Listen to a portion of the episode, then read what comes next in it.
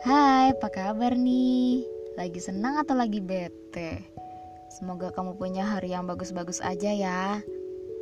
Kalau mau tidur, biasanya kamu mikirin apa?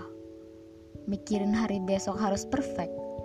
Atau mikirin hari ini dan hari-hari yang lalu buat jadi bahan koreksi diri? Biasanya, kalau lagi senang atau lagi sedih, ke bawah-bawah tuh sampai ke tidur. Tuhan emang baik banget. Gitu ku bilang kalau aku lagi bahagia. Atau biasanya aku kasih pujian buat diriku sendiri. Aku hebat. Tapi kalau pas lagi down, pasti nanya sendiri. Kenapa sih aku harus ditemuin sama keadaan yang kayak gini? Entah itu tentang hari yang gak worth it Gak sengaja inget peristiwa lampu yang bikin sakit Atau lagi sebel sama diri sendiri. Bukan hidup namanya kalau bahagia terus. Sedih, bahagia, kesal, kecewa, dan perasaan lainnya itu manusiawi kok. Bukan yang gak boleh sedih atau gak boleh senang, bukan kan? Tapi terlalu senang atau terlalu sedih kadang bikin aku nggak bisa tidur. Efeknya malah ke fisik. Susah banget di handle bikin bingung aja. Kesal sama kesedihan sih wajar. Tapi aku malah bisa membenci kebahagiaanku loh. Apa sih maunya hati? Dikasih senang ada aja celah ketemu salah. Sebenarnya sih kuncinya ada di penerapan secukupnya. Secukupnya.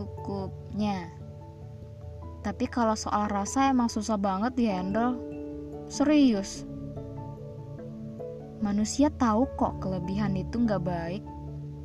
Padahal perlunya manusia itu bukan cuma sekedar tahu, tapi perlunya manusia itu memahami, mengerti, dan menerapkan gimana batasan secukupnya.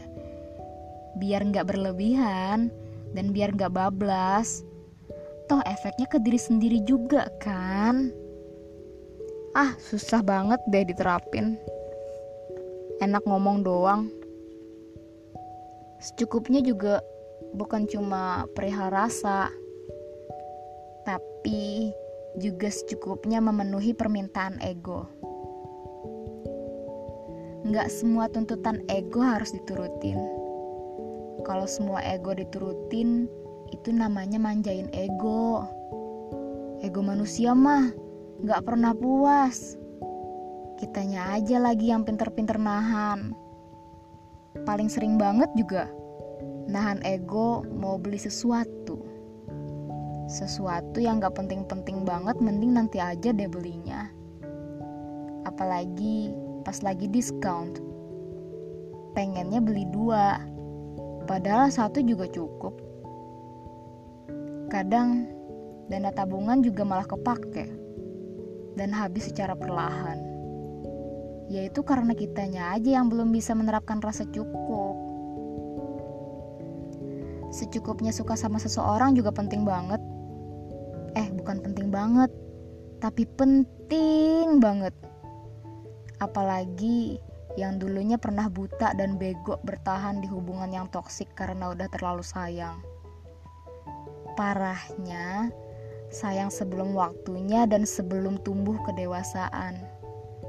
Udah tahu capek, masih aja rela diposesifin. Masih aja rela dikekang dan saling nular-nularin sifat yang bikin hidup gak tenang itu. Yakin mau kecebur lagi ke dalam keadaan yang kayak gitu karena terlalu sayang sama orang yang salah dan sebelum waktunya. Masalah banyak datang karena kita yang terlalu. Tapi gak apa-apa. Semua ada pelajarannya kok. Jadiin cermin buat cari tahu where's our mistakes and fix it. At least gak kecebur lagi ke kawah yang sama. Hati-hati, pokoknya hati-hati. Padahal kita tahu yang hati-hati juga bisa patah hati. Jia.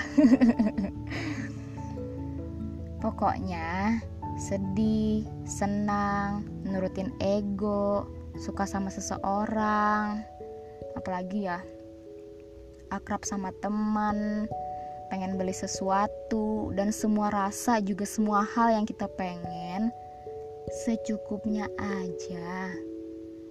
Jadi, aku sedang berjuang menerapkan rasa cukup. Eh, bukan aku, tapi kita semua manusia yang ada di bumi ini. thank you